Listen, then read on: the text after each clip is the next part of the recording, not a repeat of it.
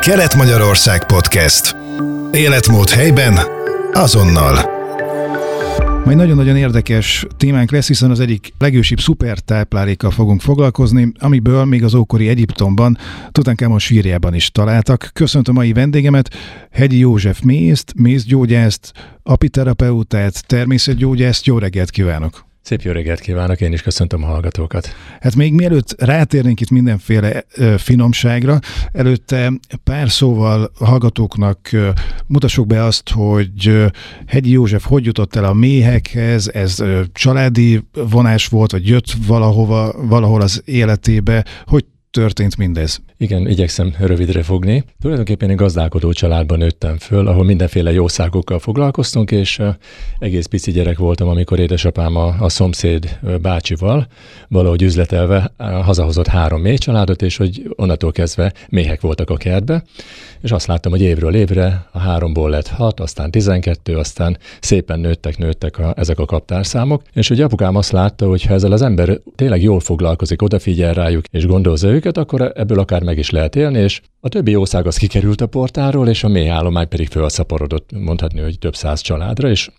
egy jó ideje már, hogy csak a méhekkel foglalkozunk. Tulajdonképpen nekem ez egy családi hagyomány, én ebbe belenőttem, úgy ott serteperteltem, mindig apukámnál segítettem neki, hoztam, vittem, és gyakorlatilag én ebbe így belenevelkedve tovább vittem ezt a családi hagyományt, mondhatom így. Akkor mondhatjuk azt, hogy tulajdonképpen beleszerelmesedett a méhekbe is, tehát ugye volt ott több jószág is, de valamiért ugye megmaradtak a méhek, és hát gondolom egyre jobban tetszett mindaz, amit adnak. Igen, így van. Tehát azt láttuk, hogy egyrészt ez egy, hát ez egy szerelem, ahogy ön is fogalmazott. Másrészt meg ugye lehet velük mm, vándorolni, ugye a hegyekbe, völgyekbe és mindenféle gyönyörű tájakon vagyunk velük, amikor éppen a, az aktuális mélegelőn vagyunk, és ugye ez egy gyönyörű foglalatosság. És hát tiszta, tiszta, egészséges, és csak az egészséget képviseli tulajdonképpen. Hát meg ugye mondják, hogyha nem lesznek méhek, akkor lesz lesarkítva világ vége, tehát nem is kicsiny dolgok, pedig milyen kicsik.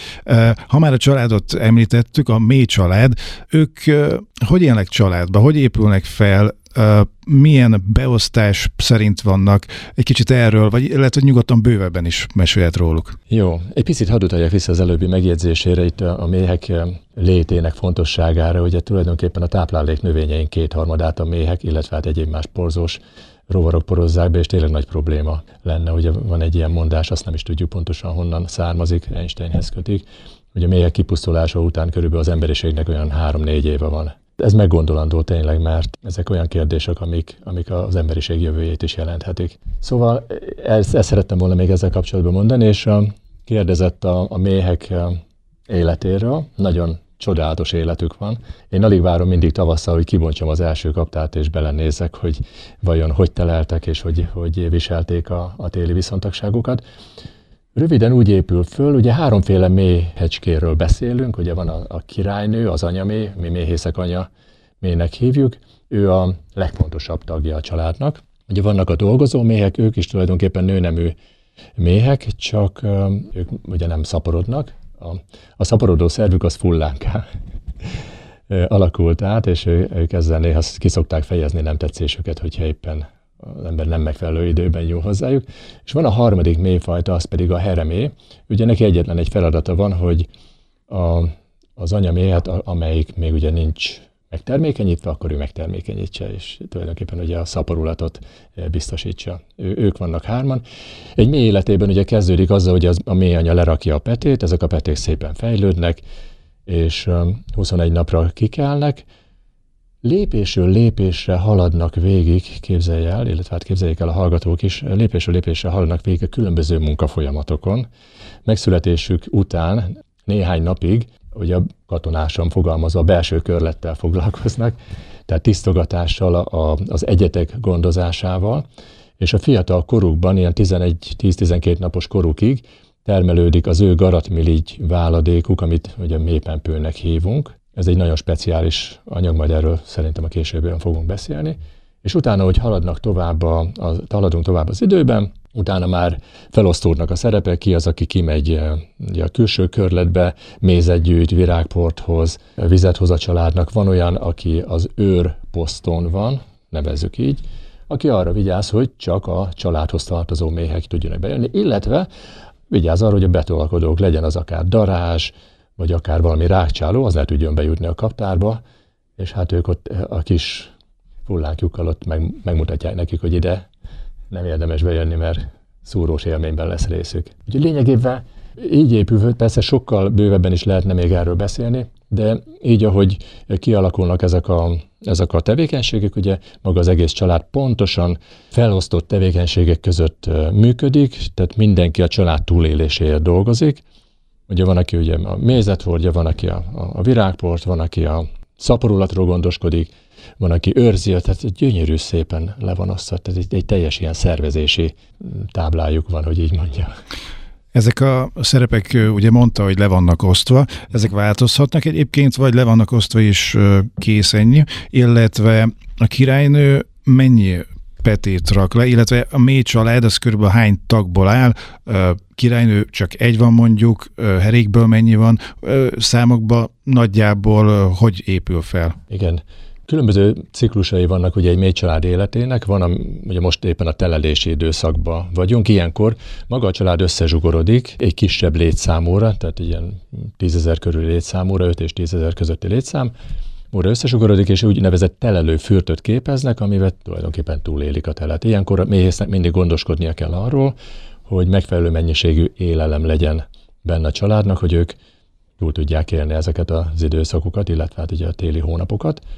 Ez a telelő élelem az arra való, hogy ők feltartanak egy hőmérsékletet, egy folyamatos lassú mozgással, mert tulajdonképpen ez a, ez a telelés, ez a téli álom, ez nem is téli álom, tehát gyakorlatilag a mélyek nem alszanak, hanem egy ilyen lassú mozgás végezve fűtik a kaptárt, és ugye magát a, a mélykirálynót középen ugye a család legbecsesebb tagját középen tartják és melegen tartják, hogy majd, hogyha eljön a tavasz, akkor ő a lehető legjobb kondícióba tudjon elindulni a petézésen, mert ugye onnantól kezdve már elkezdődik a növekedési időszak a családnak, ugye télen kisebb létszámú család van, aztán majd ahogy elkezd tavasszal beindulni a virágzás, gyümölcsök, egyebek, ugye indul a repcevirágzás, ugye elkezd a család növekedni. Egy egészséges, jó család, aminek jó a királynője, úgy értve, hogy jól tud petézni és jól tudja a szaporulatot biztosítani, ez föl tud fejlődni akár 50-60 ezer méhecskéig is, tehát ugye hatalmasra föl tud nőni.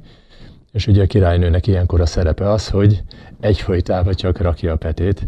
Tulajdonképpen minden nap a magának a, a szaporulati idősz, vagyis magának a, a, a mély család legnagyobb voltának időszakában, akkor naponta lerak 1500-2000 petét, és ez tulajdonképpen megfelel a saját testsúlyának. Ilyen durva példával mondva, olyan, mint egy nő minden nap szülne 3-20 kilós gyereket. Tehát ez most egy, bocsánat, ez egy, ez egy durva példa volt, de ez csak így szemlélettetésképpen. Hallgatok, hogyha el akarják képzelni egy rádión keresztül, kicsit nehéz, ugye a kis mélyecskéket nagyjából el tudják képzelni, mert ugye mindenki találkozott már velük, de például a királynőt hogy képzeljük el? Nem tudom, a, a dolgozó méheknek a nem tudom, ötszöröse, jóval nagyobb. Nyilván kitűnik, valahogy ki kell tűnnie a közegből, illetve hogy ennyi petét rak, akkor mindenféleképpen nagyobbnak kell lenni, de mégis hogy képzeljük el, illetve meddig él? Igen, hát korona nincs a fején, úgyhogy ezzel nem tudjuk megkülönböztetni. Méretben nagyobb, tehát ugye a potruha, vagy egy, egy megtermékenyít mély anyának a potruha az lényegesen nagyobb. Körülbelül egy olyan két centiméter, de ennek is változik a hossza. Tehát mikor nézzük a, a kaptárban, a kereten, akkor azért, hogy eléggé szembetűnő, illetve annak érdekében, hogy még könnyebben találjuk meg, minden évben megvannak az úgynevezett anyajelölő színek, sárga, piros, fehér, kék, és akkor a potruhán van egy ilyen kis pici jelölés, színes jelölés, és ahogy ránézünk a keretre, akkor hopp, ott már látjuk is, hogy ott van.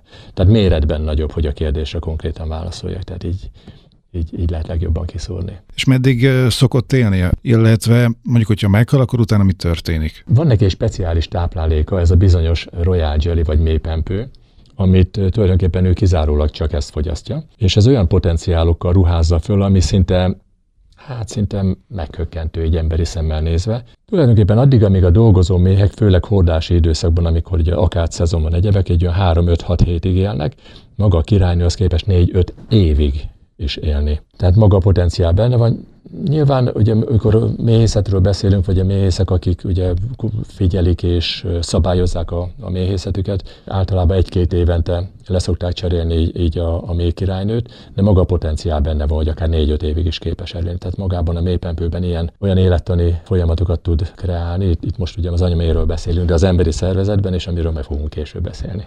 Igen, hogyha már szóba hozta a mélypempőt, akkor hát ugye rengeteg jó dolgot adnak nekünk, például ugye a mézet, lépet, méhkenyért, virágport, propoliszt, mélypempőt, hát ez már így önmagában is ö, sok dolog. Kezdjük talán a mézzel. Mi is tulajdonképpen a, a méz és a, a méznek milyen jótékony hatásai vannak? Ó, erről most nagyon sokáig tudnék beszélni. Igen, hát hogyha a mézeti termékről beszélünk, először mindenkinek mi jut eszébe? Hát a méz. Igen, ugye a klasszikus mézeri termék, és nagyon sokféle méz van. Tulajdonképpen a méz az a, a mézelő növények nektárjából előállított termék, hogy most nagyon, nagyon hivatalosan fogalmazzak. Amikor például most beszéljünk az akác mézről, amikor a méhek begyűjtik az akácvirágról a nektárt, akkor az még tulajdonképpen ilyen vízszerű, édes hát mondhatjuk ilyen vizes, édes dolog. És amikor beviszik a kaptárba, akkor ezt ők érlelik be mézzé, mégpedig úgy, hogy hozzáadják a saját érlelő enzimjeiket. Tulajdonképpen magában a kaptárban, a keretben történik az érlelés folyamata. Tehát sűrítik, vizet párolognak el belőle, egyik sejtből átrakják a másikba, és minden alkalommal, amikor ezt így kiberakják ezeket a mézeket, felszívják a mézgyomukra, majd újra vissza, engedik a lépbe, és mindig érlelődik a méz, és gyakorlatilag ezt addig végzik, amikor egy olyan 16-18 víz százalékosra beérlelik, ilyenkor már ugye ennek egy méz állaga van, és ugye maga beltartalmi értékei is megfelelnek a méznek, és amikor ez kész van, akkor ők szépen ezzel a viasz fedéllel, ezzel úgy hívjuk ezzel a fedelezéssel, szépen lefedik, és akkor onnantól kezdve mondhatjuk így az idék végezetéig az méz. Hát persze nem igazán, Ugye említette az előbb Tutánkámon sírjába is találtak mézet, ami tulajdonképpen idézőjelben nem romlott meg, mert hát ugye maga a méz is tulajdonképpen cukor, és ugye tudjuk, hogy a kristálycukorra is az van ráírva, hogy minőségét korlátlan ideig megőrzi, de ugye a mézről tudni kell, hogy a méz az igazán egy élő anyag. Tehát így élő, hogy abban enzimek vannak, és az akkor a legjobb, amikor, amikor ugye frissen hordják a méhek, mert beltartalmi értékeit akkor tudja legjobban átadni. De utána is, mikor évek eltelnek, és ezek a úgynevezett élő dolgok már lebumlanak benne, akkor is maga, mint méz, édes marad. Tehát ez a Tutánkámon sírjába talált méz is édes, mai napig is, de beltartalmilag már én annyira nem javasolnám a fogyasztását. Igen, pont ezt szeretem volna kérdezni, hogy mondjuk egy 4000 éves méz egy csuporban, hogyha most kóstolnák meg, akkor mondjuk milyen íze lenne, illetve, hogy igaz-e az mondjuk, hogy a méz, ennek az állaga nagyon hasonlít a, a mi szervezetünkben található vérnek a állagához. Hát ugye a, a méz, a, egy jól beérlelt méz, az ugye sűrű, 96%-ban mm, cukor, többségében szőlőcukor és gyümölcscukor, illetve hát még más egyéb cukorformák is vannak benne, ez a két uralkodó cukor van benne, és majd itt mindjárt egy, egy dologról beszélni szeretnénk. Nagyon jó segíti a vérképzést. Az, hogy most állagát tekintve, ugye nem, is, nem nagyon tudom összehasonlítani a vérrel, de az biztos, hogy, hogy vannak mézfajták, amik nagyon jó vérképzők, nagyon jók a, a szív- és érrendszeri problémákra. És ugye itt a kétféle cukorról beszéltünk, a szőlőcukorról, gyümölcscukorról. Ennek az, az a nagyon fontos tudnivaló van róla, hogy a magasabb szőlőcukor tartalmú mézek azok hajlamosak hamar kristályosodni. És elterjedt egy ilyen dolog, hogy a kristályos méz az cukros, már hogy cukor etetéses biztos. Hadd mondjam el, hogy, hogy ez nem így van, tehát ugye a, a, például a vegyes mézeknek nagyon, azok a tulajdonságok, hogy nagyon gyorsan bekristályosodnak. Amikor a repcemézet kipörgetjük, az néhány napon belül már először olyan, mint a libazsír, aztán utána meg szépen egy-két héten belül beköt. Tehát a vegyes mézeknek magasabb a szőlőcukortartalma, és ők hamarabb bekötnek. De tartalmilag ugyanúgy, mint a folyékony mézeknél, ugyanúgy megvannak benne az összetevők, de ugye ez egy kémiai tulajdonság, hogy be fog sűrűsödni.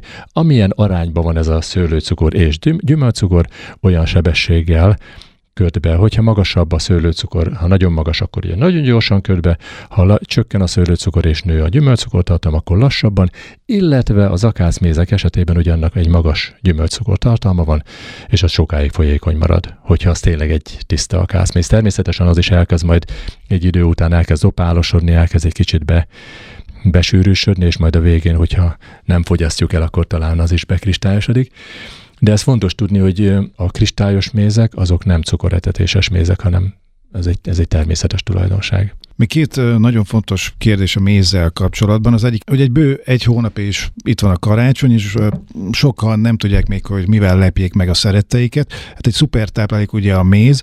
Mondjuk egy édesanyának, nagymamának, a családba, hogyha szeretnénk venni, ugye hát rengetegféle fajta méz van, ugye említette a vegyes, akkor van az akác, a hájás, a gesztenye, repce, stb. még mhm. sorolhatnánk. Ön szerint mi a jó mézválasztásnak a titka, illetve hogyha mondjuk valahonnan veszünk mézet, mert ugye sajnos lehetett olvasni, hogy egyre több a behozott hamis méz, hogy egyrészt, hogy a mézválasztás titka, illetve az, hogy hogy tudjuk, milyen módszerrel ellenőrizni, hogy az eredeti-e vagy nem. Hmm, de jó kis kérdések ezek. Hadd kezdjem onnan, hogy ugye sokféle méz van, ahogy ön is említette, többféle méz van. Meg kell azt először nézni, hogy mi az, amit igazán itt szeretnénk vele kezelni, mert ugye mindegyik méz, tehát a mézről tudni kell, hogy annak a virágnak a jótékony hatásait hordozza, tartalmazza mag, amelyikről hordták a méhek. Tehát, hogy egy jó vegyes méz, amit tényleg a vadvirágok mindenféle gyógynövényeiről hordták a méhek, az beltartalmilag az egy nagyon értékes méz, mert ugye sokféle hatóanyagot tartalmaz. Ugye az akácméz esetében ott az akácról hordták, ott arról azt kell tudni, hogy nagyon jó emésztési problémákra, vese problémákra, tehát az egy nagyon kellemes állogó méz, viszont ugye az, az nem egy több gyógynövényből, vagy több növény nektárjából összerakott méz. Tehát én beltartalmilag mindig azt szoktam mondani, hogy jó vegyes méz, az, az nagyon jó. Azt kell tudni, hogy a sötétebb mézek, például a gesztenyeméz, fenyőméz, ezek nagyon magas ásványi anyag tartalmú mézek, és ugye ezt például ásványanyagpótlásra, hogyha idősebbeknek akarunk venni, akkor ugye csontritkulás, nem azt mondom, hogy ez megelőzi, vagy, vagy meggyógyítja, de nagyon jól hozzájárul ahhoz, hogy, hogy jó állapotban maradjon a szervezet. Illetve így a, a sötétebb mézek, a, ezek a, vannak olyan mézek, amik ilyen szinte fekete, ilyen nagyon-nagyon sötét, ezek is különböző ilyen hát, daganatos megbetegedések megelőzésére, vagy, vagy amikor ilyen veszélye van a környéken, akkor érdemes ilyen sötétebb mézeket is. Vagy aztán a világosabb mézek is nagyon jók, ugye a hásméz a légúti problémákra, de ugyanúgy az akászméz is nagyon jó megfázásos, meghűléses esetekben. Úgyhogy ezek egyik jobb, mint a másik, ahogy szoktam, szoktam mondani. De csak annyi, hogy még mielőtt rátérnék arra, hogy hogy lehet megkülönböztetni ja. a igazit a hamis méztől. Ugye említette a megfázásos megbetegedések, hogy nagyon jó például a HS vagy a, a kácméz, és itt vetődik fel egy fontos kérdés, hogy ugye az emberek hogy szokták általában, hogy forró vízbe, tejába beletenni a mézet. Na most a kérdés az az, hogy meddig hevítető a méz, tehát hogy mikor van olyan pont, amikor elveszti a jótékony hatását, tehát nem biztos, hogy az mondjuk jó, hogyha forró vízbe beletesszük. Nem, nem, abszolút nem jó neki. Köszönöm szépen ezt a kérdést. Nagyon fontos, hogy a mézet 40 fokra visszahűtött tejába rakjuk bele, tehát forró tejába nem, mert nagyon finom lesz tőle, és nagyon kellemes íze lesz, de mint ahogy az előbb is említettem, ez a, a méz az él. Ugye enzimek vannak benne, vitaminok, ásványi anyagok, nyomelemek, és ugye ez ezeknek a beltartalmi értékes összetevőknek a forró tejába vagy forró közegbe nagy része elveszik, vagy lebomlik. Ezért én azt mindig azt javaslom, hogy 40 fokra, olyan körülbelül 40-45 fokra hűtsük vissza a teját, és olyankor keverjük bele utólag a mézet, és akkor élvezhetjük minden jótékony hatását. Tehát ez, ez tényleg egy nagyon fontos szabály. Sok esetben látjuk azt, hogy ahogy az előbb is említette, hogy mindenféle behozott egyéb mézek, amik túl vannak hevítve, már látjuk a polcon, nekem mondjuk szakmai ártalom, hogy ahogy bemegyek egy boltba, azonnal a mézes pultnál kötök ki a feleségem, mindig szokta tudni, hogy hol talál meg, amikor ő vásárol, mert rögtön nézem, hogy ne ez kinek a méze. Aha, na hát ezt jól megmelegítették. Mert ahhoz, hogy a maciból ki lehessen nyomni a vegyes mézet, sajnos azt csinálják, most mm, nem akarok általánosítani, de, de gyakori példa, hogy oda hevítenek neki 60-70 fokra, vagy akár még többre is, és onnantól ez egy olyan kémiai átalakuláson keresztül megy, a méz, megy keresztül a méz, amikor már nem fog utána megkristályosodni, de ugyanakkor beltartalmilag meg nagyon sérül. Tehát tisztelet a kivételnek, tehát nem akarok én itt most senkit meggyanúsítani, de mivel látom, tehát bemegyek a boltba és látom, egyből kiszúrom a túlhevített mézeket. Hogy még egy kicsit beszéljünk erről, nagyon bizony-bizony sok az azonosítatlan. Behozott mézek, ugye rá van írva, vagy származási ország EU, de azt az EU-ból, az EU-ba honnan kerül be, hát ez már egy nagy kérdés. Ez egy örök téma, egy örök téma, hogy miért engedjük be ezt és innen és onnan, miért engedjük be, és miért nem becsüljük meg igazán a magyar termelői mézeket, hiszen itt nálunk olyan csodálatos mézek vannak, főleg itt a nyírségben, hát a legjobb akácmézek itt vannak, a leggyönyörűbb. Belenézünk, és tényleg olyan, mint az arany, mikor a nap felé fordítjuk hogy csodálatos mézek vannak. Úgyhogy még valószínűleg várat magára az, hogy, hogy tényleg elnyerje méltó helyét a, a magyar méz, annál is inkább, mert például az akácméz az hungarikum lett néhány éve nyilvánítva. Ugye említette, hogy hogyha bemegy mondjuk egy bevásárló központba, akkor a mézes pultnál köt ki először, és ugye látja, hogy melyik méz van túlevítve. Mi ezt láthatjuk, vagy, vagy ezt hogy láthatjuk, illetve mondjuk a behozott kétes eredetű mézekkel kapcsolatban, hogy most az tényleg méz, vagy valami ahhoz hasonló. Ugye szokták mondani azt a módszert, hogy a fejjel lefelé tartjuk, akkor milyen ö, gyorsan jön le, vagy pedig a gyufás ö, trükk, tehát hogy ö, valamivel ezt mit tudjuk ellenőrizni? Nem könnyű egyébként, nem könnyű. Én azt szoktam mondani, ugye méhész emberként is, és ugye rengeteg méhésztársam van, és a méhész társadalom túlnyomó része becsületes, és nem trükközik a mézével. Én mindig azt szoktam javasolni, hogy találjuk meg a környezetünkben lévő megbízható méhészt, és tőle vásároljunk. Hát itt például kimegyek Nyíregyházára piacra, olyan gyönyörű mézeket látok. Tehát azt kell, hogy mondjam, hogy tényleg többféle méz is van, és, és szépek, és odafigyelnek a termelők rá, hogy, hogy azt adják, ami, ami valójában méz. Én most abban nem akarok belemenni, hogy hogy most itt-ott milyen mézek vannak, mert ez, ez tehát nem tisztem, meg nem is szeretném ezt föl, fölkavarni. Sajnos vannak trükközések. Talán a, az egyedüli biztonságot azt jelenti, hogyha van egy, egy jól bevált ajánlat alap, hogyha nekünk nincs is, de, de valaki ajánl nekünk egy olyan méhészt, akinek, akinek tudjuk, hogy évek óta gyönyörű szép termékei vannak, gyönyörű szép mézei vannak, és, és tőle, tőle vásároljunk. Hogy hogyan tudjuk meglátni? Hát van ez a, fölborítom az üveget a folyékony méz esetében, és ugye az, annak van egy speciális ilyen buborék hatása, amikor fölmegy. A másik, amikor megkóstoljuk, Hát ugye nem mindig van lehetőség megkóstolni a mézet, de ugye a hamis mézeknek van egy ilyen, hmm, tehát ilyen aromátlan, édes, ez a émeítően édes íze, és nincs ott, a, nincs ott az a az a jellegzetes íz, hogy a, a, legyen az egy akácméznek, és van egy picit ilyen kicsit az embernek kaparja a torkát, úgy kellemesen, és azt érzi, hogy na ez, ez egy jó akácméz, vagy a vegyes méz esetében is érezni azt a, azt a csodálatos aromát, mondjuk egy hásnál, nem beszélve egy hásmézről, vagy egy, egy jó vegyes mézről az ember úgy érzi, és hogyha megkóstol egy mézet, és egy ilyen aromátlan, édes valami, akkor az, az már gyanúra adhatok ott. De még egyszer mondom, a legjobb módszer az, hogy egy megbízható méhésztől vásároljunk. A méz után kanyarodjunk át például a lépre, vagy a mékenyére, a virágporra, erre a hármasra. Ezekről mit lehet tudni, mit érdemes uh, tudni? Ugye azt mondják, hogy a virágpor is uh, hát hasonlóan egészséges például, mert abban is szinte minden tápanyag megtalálható. Szóval lép mékenyér is uh, virágpor. Igen, virágpor. Fú, hát a virágpor egy csodálatos dolog. Ugye a virágpor az tulajdonképpen az a, azzal ugye porozzák meg a méhek a különböző növényeket, és beltartalmi értékei tekintve tulajdonképpen, ahogy ön is említette, szinte minden tartalmaz, hanem mindent, ami az emberi élethez is szükséges. Ugye méheknek is, ugye maga a test, testük is ugye épül fehérjékből, különböző anyagokból, és a virágpor nekik úgymond a, ezek az építőelemek, a méz az pedig a benzin, ahogy szoktam mondani, az az üzemanyag, tehát ugye ahogy táplálkoznak. És a virágporban ugye fehérjék, 20 fél aminósav van benne, akkor ugye van némi kis cukortartalma is, illetve ásványi anyagok, nyomelemek, tárháza van benne tulajdonképpen szinte minden. Ennek összetétele függ attól, hogy milyen virágról van. Ugye van, amelyiknek magasabb az ásványi tartalma, van, amelyiknek magasabb a fehérje tartalma, van, amelyik egy kicsit édesebb, van, amelyik egy kicsit kesernyésebb.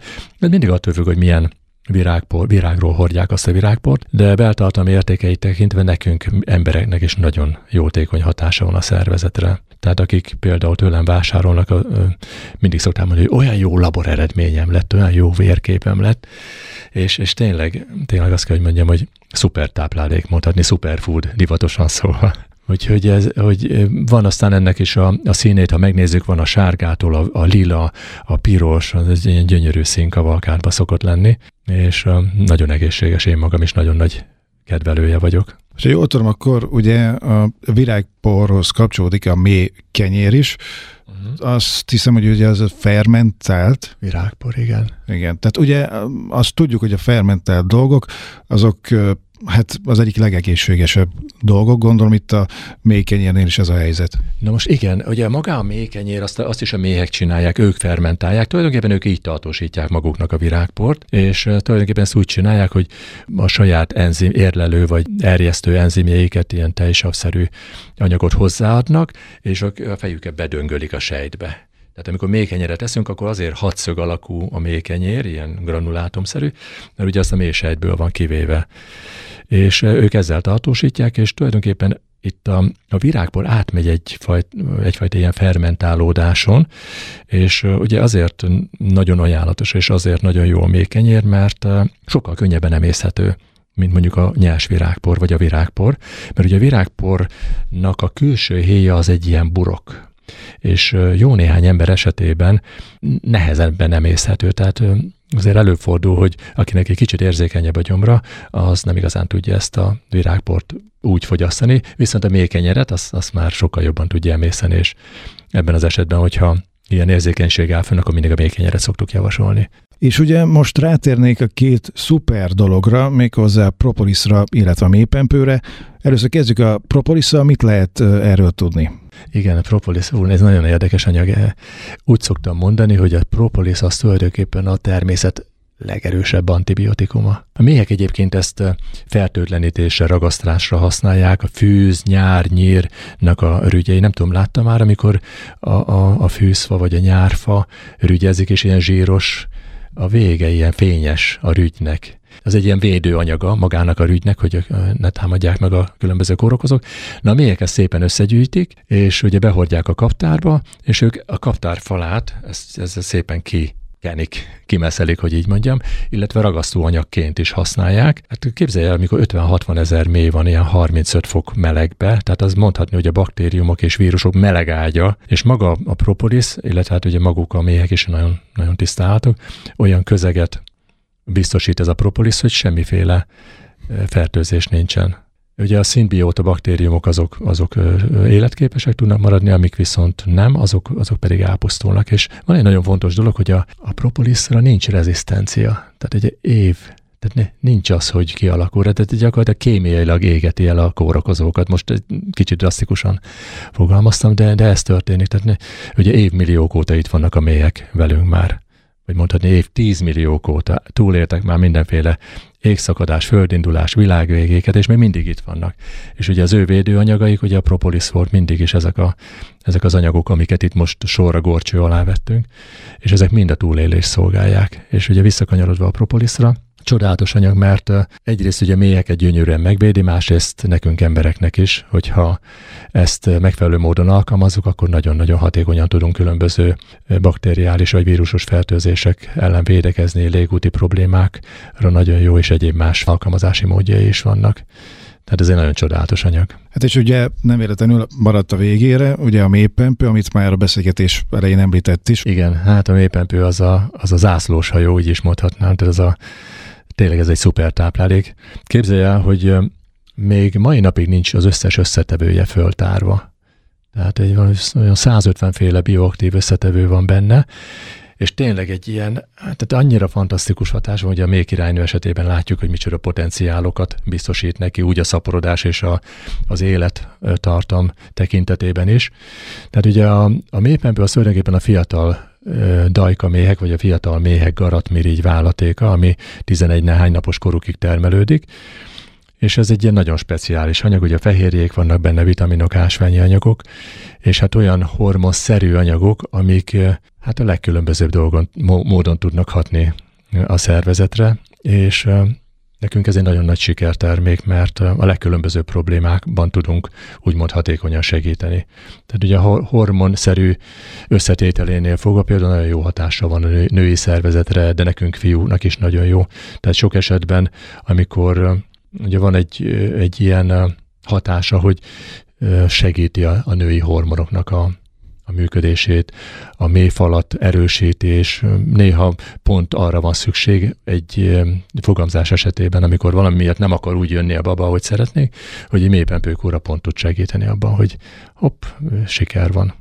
Tehát ez, ez nagyon érdekes, de, de egyéb más területen is nagyon szép sikereink vannak, mert egy nagyon intenzív regeneráló hatása van a mélypempőnek, tehát sejtszinten regenerálja az egész, az egész szervezetet, hogy az ő sejtekre is tudhatni, és legyen az akár mozgásszerű probléma, vagy, vagy immunerősítés tekintetében szeretnénk egy kicsit jobban megedződni, akkor a mélypempő az egy jó megoldás lehet. Ugye beszélgettünk ezekről a dolgokról, a méz azt gondolom egyértelmű, de például mondjuk a méhkenyér vagy propolis mélypempő, ezeket, hogyha valaki szeretné fogyasztani, akkor hogy érdemes? Tehát egy nap mondjuk mennyit körülbelül, vagy ilyen, tehát a fogyasztása, ugye, hogy ne esünk túlzásokba, de mhm. azért vigyük is be, mi az ön szerint a legjobban ajánlott? Igen, hát én általában szeretem személyre szabni, akik hozzám vagy hozzánk fordulnak, akkor így mindig föltérképezem, hogy mi az, amit ő szeretne kezelni, mi az, amit szeretne esetleg megváltoztatni, vagy amit szeretne megelőzni, mert ugye megelőzés céljára is lehet használni. Többféle felhasználási módja lehet. Van, aki például azzal kezdi a napot, hogy megeszik egy kanálmézet de van, aki viszont nem bírja, mert ugye rögtön egy gyomorra a, a cukrot nem bírja a gyomra. Én mindenképpen azt szoktam mondani, hogy soha nem teli gyomorra, soha ne jól lakottan, hanem mondjuk két étkezés között fogyasszunk mézeti terméket, legyen az akár virágpor vagy méz. Egyes egyedül a Royal Jelly-nek, azaz a mélypempőnek van egy ilyen szabály, hogy azt reggel mindig egy nyomorra szoktuk nyelv alá helyezni. Abból nagyon pici kell körülbelül egy ilyen egy, egy maximum két gramnyi nyelv alá helyezni, és akkor utána az szépen felszívódik. Várunk egy 20 perc, fél órát, amíg az teljesen felszívódik, és utána lehet enni, de addig nem. Tehát a mélypempőnek van egy ilyen nagyon szigorú szabálya, hogy a legjobb hatást érjük el. Szóval az összes mélyszeri, többi mélyszeri terméknél én azt szoktam javasolni, hogy két étkezés között bevenni, az, hogy most mennyit, általában virágpornál egy, ha most nagyon általánosan akarok fogalmazni, akkor egy teáskanállal szoktam javasolni. Propolisból is mondjuk nagyon sokféle propolis van, van akinek erősebb propolisza van, van akinek gyengébb, mondjuk én, én szeretem, hogyha, hogyha abban benne van a benne van az erő, tehát hogy jó kis tömény propolis legyen, ilyen 10-15 cseppet szoktam javasolni. Hogyha alkoholos propolisról beszélünk, akkor inkább így a délutáni esti órákban, amikor már nem ülünk autóba, akkor szoktam javasolni a bevételét, hogy ne okozzon semmi problémát. A mélypempőre még csak egy gyors kérdés. Lehet, hogy nem is annyira fontos, de hogyha például valaki mondjuk szed, nem tudom, algakapszulát, vagy B-flóra tablettát, és azt is mondjuk reggel égyomorra veszi be, akkor ez nem akadály, hogy reggel a mélypempőt is égyomorra fogyassza. Egy pici eltolódás legyen azért benne, én azt javaslom, hogy ne egyszerre vegyük be, de mondjuk, mondjuk kezdjük a mélypempővel, ugye, az én szívem csücskével, és akkor azt bevesszük, azt, azt ott tartjuk, ugye negyed óra, 20 percig, az felszivorik, és utána már jöhet a, a többi ilyen. Ugye van még egy szuper dolog, ami sajnos ugye nem Magyarországról származik, hanem, hogyha jól tudom, új-Zélandról, ugye ez a Manuka méz, biztos sokan hallottak már róla, valószínűleg sok hallgató pedig nem, de ugye hát nem tudom, ezt tartják a mézek mézének tulajdonképpen, és itt ugye van egy másik kérdés, ugye, hogy rászokott lenni írva erre a Manuka mézre, hát amelyik egyébként elég borsos ára van, Igen. attól függően, hogy mondjuk mennyi az MGO tartalma, Na szóval, tehát Manuka méz, mit lehet tudni róla, miért annyira nagyon jó, illetve mi ez az MGO érték? Há, igen, hát Manuka méz ugye kizárólag Új-Zélandon, Ausztriában terem. Jó a piárja egyébként, azért azt el kell, hogy mondjuk, de egy, egyébként maga a méz is nagyon jó.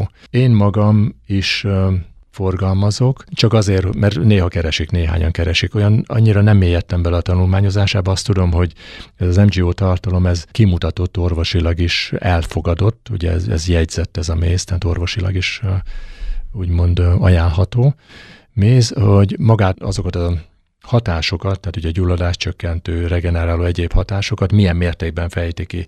Ugye általában az a 300-as, az egy ilyen középértékű de van egy gyengébb is, de van ugye az 500-as, meg az ezres, amiből már szinte szemcsöppentővel kell adagolni. Tehát annak az ára is ilyen 1 kg 70-80 ezer forint belőle. Tehát én, ez az én személyes véleményem, talán egy picit ez így túl van árazva, bár mert ugye át kell hajózni az óceánon, meg mire ideér azért az nem kevés költség. Túl sok véleményem, vagy túl sok um, tapasztalatom igazándiból nincs róla, azt tudom, hogy tényleg egy, egy jó termék, és akik használják, néhány emberrel beszéltem, azok azt mondják, hogy na tényleg ez nagyon jó, tehát úgy érzi, hogy emésztés tekintetében nagyon jó hatásai vannak. Például, hogyha sebet kezel vele az illető és rákenni, akkor az nagyon-nagyon gyorsan beheggesedik, csak most egy-két példát kiragadva a, a hatásaiból. Tehát maga az az MGO tartalom, ez ennek a bizonyos benne lévő gyógy, nevezzük így koncentrátumnak a mennyisége, vagy a, a minősége. Hogyha már ugye a hegesedést említette, hogyha méhecskék valakit megcsípnek, akkor tulajdonképpen mi a legjobb módszer ilyenkor, vagy erre az egész dologra? Igen, mi a legjobb módszer? Picit hadd korrigáljam, hogyha megengedi, mert ugye mi méhészek, mély szúrásnak nevezzük, ugye a szúnyog szokott csípni. Ez azért fontos kérdés, mert ugye különbözőképpen reagálunk a mészúrásra. Tehát mindenki reagál valahogy, mondjuk én is, aki már évtizedek óta kapom a mészúrás, nekem van egy pici kis pukli néhány percig a kezemen, aztán eltűnik. De van, akinek mondjuk megdagad az egész kézfeje. Van, akinek megszúrja a kezét, és bedagad válik a keze. De van olyan is, aki, aki elkezd izzadni, és elkezd, elkezdenek légzési problémái lenni. Na ezek a veszélyes esetek. Ugye van ez a bizonyos anafilaxiás sok, aminek a veszélye ilyenkor fönnáll, amikor azonnal orvoshoz kell fordulni. Tehát amikor azt érzi az ember, hogy heves ember a szíve, és elkezd izzadni, és elkezd rosszul lenni, akkor ott nincs mese, azonnal menni kell, hogy megkapja az ember a megfelelő ellátást. Amikor azt látjuk, hogy most bedagad a kezünk, akkor ugye a borogatás az jó lehet rá, idegvizes borogatás, vagy akár tartalmú italok it- ivása. Mindig azt szoktam mondani, hogy ha a legkisebb gyanú is fönnáll, hogy itt ez elmérgesedhet ez a dolog, ez az allergia, akkor azonnal forduljunk orvoshoz. Nagyon érdekes, hogy ugye olyan világban élünk, ahol az allergia az most népbe, teljesen népbetegségé vált, és képzelj el, és képzeljék el a hallgatók is, hogy nagyon sok esetben olyan méhésztársak, akik már évek óta, évtizedek óta nem voltak allergiások, most, most valahogy több esetben is allergiássá váltak a mészórásra. Ez ilyen elég döbbenetes. Mert ugye a szervezetünk olyan mértékű, hát minek nevezük, hatásoknak van kitéve, és ebbe benne vannak ugye a különböző környezeti hatások, környezetszennyezés, nem megfelelő táplálkozástól kezdve, hogy a stressz tényezékről már nem is beszélve, hogy ennyire legyengíti az emberek szervezetét. Tehát ugye visszakanyarodva, amikor azt érezzük, hogy itt valami nem jó, nem jól érezzük magunkat, vagy azt látjuk akár gyerekünknél, ismerősünknél, családtagunknál, barátunknál, hogy ilyen tünetek kezdenek föllépni, akkor haladéktalanul vigyük el orvoshoz az ügyeletre. Tehát ne kezdjünk el barkácsolni, hogy majd biztos jobb lesz, majd abban marad, mert ez az, akár az életébe is kerülhet az, a személynek. Legvégül pedig arra lennék kíváncsi, hogy hát ugye most várhatóan, meg ki tudja az elmúlt évek tapasztalatai alapján, hogy mondjuk jön a kemény tél, jön mondjuk az influenza szezon, mondjuk egy átlag embernek ugye említette, hogy mindenkit saját maga, hát hogy mondjam, értékei alapján kezel. Mi általában mondjuk a, a tanácsa egy átlag hallgatónak, hogy hogy forduljon a, a mézhez. Én javaslok egy-két kanál mézet nyugodtan, ugye szokták mondani, hogy tiszta cukor, és nagyon fontos tudni a mézről, hogy a, a méz az olyan cukor, amit azonnal tud hasznosítani a szervezet. Nyilván, hogyha szedőkanála leszük, akkor az, az is uh, sok lehet, és akár az is uh, hizlalhat, de ugye a májnak nem kell külön átalakítgatnia, mert ugye azt tudjuk, hogy a, a testünk a szőlőcukorral működik, tehát minden táplálékból a végső soron a sejtjénk ugye szőlőcukorra működnek. Itt viszont ugye a máj közvetlenül tudja energiává alakítani, és nem kell a, a, a szervezetnek dolgozni vele, tehát egy nagyon, nagyon jó energiaforrás, egyrészt energiaforrásként, és nagyon jó, másrészt pedig ugye benne lévő hasznos beltartalmi anyagok, vitaminok, ásványi anyagok, nyomelemek is nagyon jók, és én egy-két kanállal bátran ajánlok, délelőtt és délután is egy kanállal elszopogatni, így két étkezés között, és ki lehet vele váltani egy túrórudit, vagy bármilyen csokit, amikor az embernek édesség, éjsége van. A kedvenc mézéből elszopogat egy kanállal, és azzal, azzal így jól el van. Ez az egyik, hogy ki tud vele váltani akár egy ilyen nasit is, másrészt pedig nagyon jól toppon tartja az immunrendszert, főleg, hogyha egy kis propolisszal is kipótolja a végén. Nem beszélve, hogyha mélypempőt is tudunk szedni hozzá, hogy az nekem van egy ilyen ajánlatom mindig a vásárlóim felé egy ilyen immunpajzs csomag, ami ugye tartalmaz mépenpőt, virágport, propoliszt, és hogyha az ember ezt így megfelelő módon szedi, mondjuk itt az előbb ajánlott módon, mondjuk a mézből egy-két kanállal, egy teáskanál virágport, 10-15 csepp propoliszt, akkor az egy olyan védettséget ad a, a szervezetnek, amivel bátran neki tudunk indulni ennek a, ennek a téli szezonnak. Itt ezeket a dolgokat, kivéve hogy a mépenpőt mondjuk lehet egyszerre, tehát hogyha mondjuk mézet szeretnénk enni, akkor, akkor eszünk mondjuk virágport is, vagy propoliszt is, tehát ezt a hármat lehet mondjuk együtt? Én úgy szoktam javasolni, hogy azért különítsük el. A mélypempőr az reggel egy gyomor, hogy az előbb ezt már beszéltük. Utána a mézből is be tudunk venni egy kanállal virágport, és mondjuk van, aki tejába keveri bele, vagy jogfurtba, kefirbe, beleteszi mondjuk egy ilyen napközbeni ételni. Tehát ne egyszerre együtt meg mindet, hanem ha van rá lehetőségünk, akkor így osszuk szét a nap folyamán. Ugye a beszélgetés legelején említettem, hogy ön apiterapeuta. Lehet, hogy pár kedves hallgató, aki hallgatta a beszélgetést, még mindig ezen töprenk, hogy ez mit jelent tulajdonképpen. A végén csak ennyit, hogy pár szóval, hogyha elmondaná, hogy ez tulajdonképpen mi is. Lehet, hogy ezzel kellett volna kezdenünk egyébként, de nem baj, jobb később, mint soha. Tehát maga az apiterápia, ugye két szóból áll, maga a név is. Az api az a, az apis mellifér, ez a mézelő mély, azt jelenti, tehát az api az a méhecske, a, a terápia meg hát az ő kezelés vagy, vagy gyógyítás. Egyszerűen megfogalmazza az apiterápia az a mézeti termékeknek a, a gyógyító célú felhasználása, vagy úgy is mondhatnánk, hogy megelőző célú felhasználása, vagy úgy is mondhatnánk, hogy felhasználása valamilyen cél elérése érdekében. Tehát szokták is kérdezni, mi terapeuta, és akkor így leszoktuk tisztázni, hogy hát az apiterápia ez ezt, ezt jelenti a, a mézeti termékeknek az ilyen célú felhasználását. Önnek egyébként van kedvenc méze? Mindegy. Egyébként én, de hogy azért konkrétan válaszoljak, én a jó vegyes mézet, nekünk van egy méhész farmunk, ahol, ami a Tisza parton van, és ott aztán tényleg gyönyörű vadvirágok vannak, amikor a nagy forró nyár nem szárít ki mindent, és ott nagyon csodálatos vegyes mézet tudnak a mélyek hordani. Na, nekem az a kedvencem. De egyébként nagyon szeretem az összes többit is. Kelet-Magyarország Podcast. Életmód helyben, azonnal.